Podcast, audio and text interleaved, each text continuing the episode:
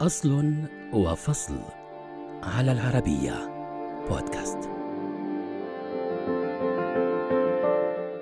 يعتقد خطأ أن مصطلح واي فاي يعني الدقة اللاسلكية، ورغم أن هذه الحروف المرتبطة لا تعود لكلمات محددة، لكنها ترمز لما هو أكبر، فهي شيء أشبه بعالم متكامل من الإنترنت، أو ربما مؤشر لبداية العصر الرقمي، لا بل ثورة لتبادل البيانات عبر الإنترنت، فكيف أصبحت هذه التقنية جزءًا من الحياة اليومية؟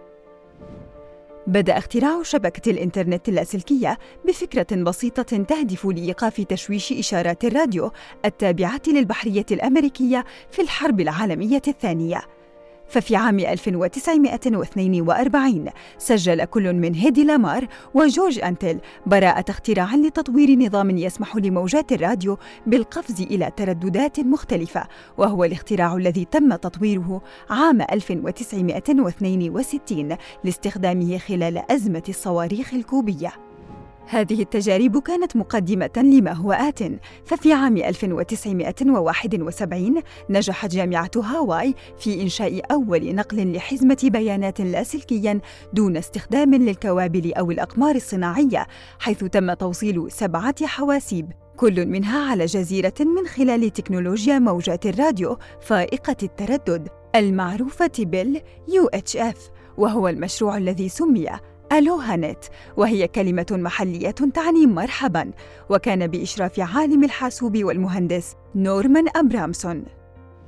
بقيت الشبكة اللاسلكية الأولى مرتبطة بقنوات الاتصالات الحكومية حتى عام 1985 حيث فتحت لجنة الاتصالات الفيدرالية ثلاثة نطاقات من الاتصالات للاستخدام الأهلي فأصبح الأفراد والشركات والمؤسسات قادرين على التواصل عبر شبكات الاتصالات اللاسلكية.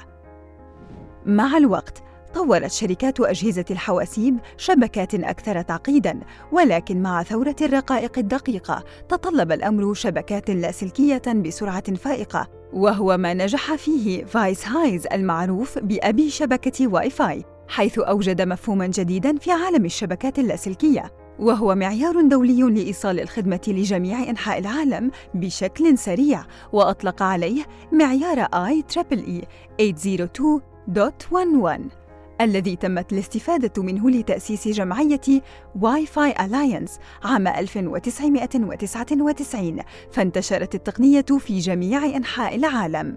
خضعت التقنية الحديثة لسلسلة من التطوير كان أهمها في عام 2014 حيث تمت تسوية معيار 802.11 إلى 802.11 AC ما مهد الطريق لسرعة وتغطية أكبر. هذه التطورات أتاحت الاتصال بمزيد من الأجهزة في وقت واحد، إضافة لتوجيه إرسال البيانات إلى أجهزة متعددة في نفس البث. هكذا ربطت تقنية الشبكة اللاسلكية الواي فاي عدداً لا محدود من الأجهزة الإلكترونية والحواسيب، وسهلت تبادل المعلومات بينها لتربط العالم معاً وتخلق ما سمي لاحقاً ظاهرة إنترنت الأشياء.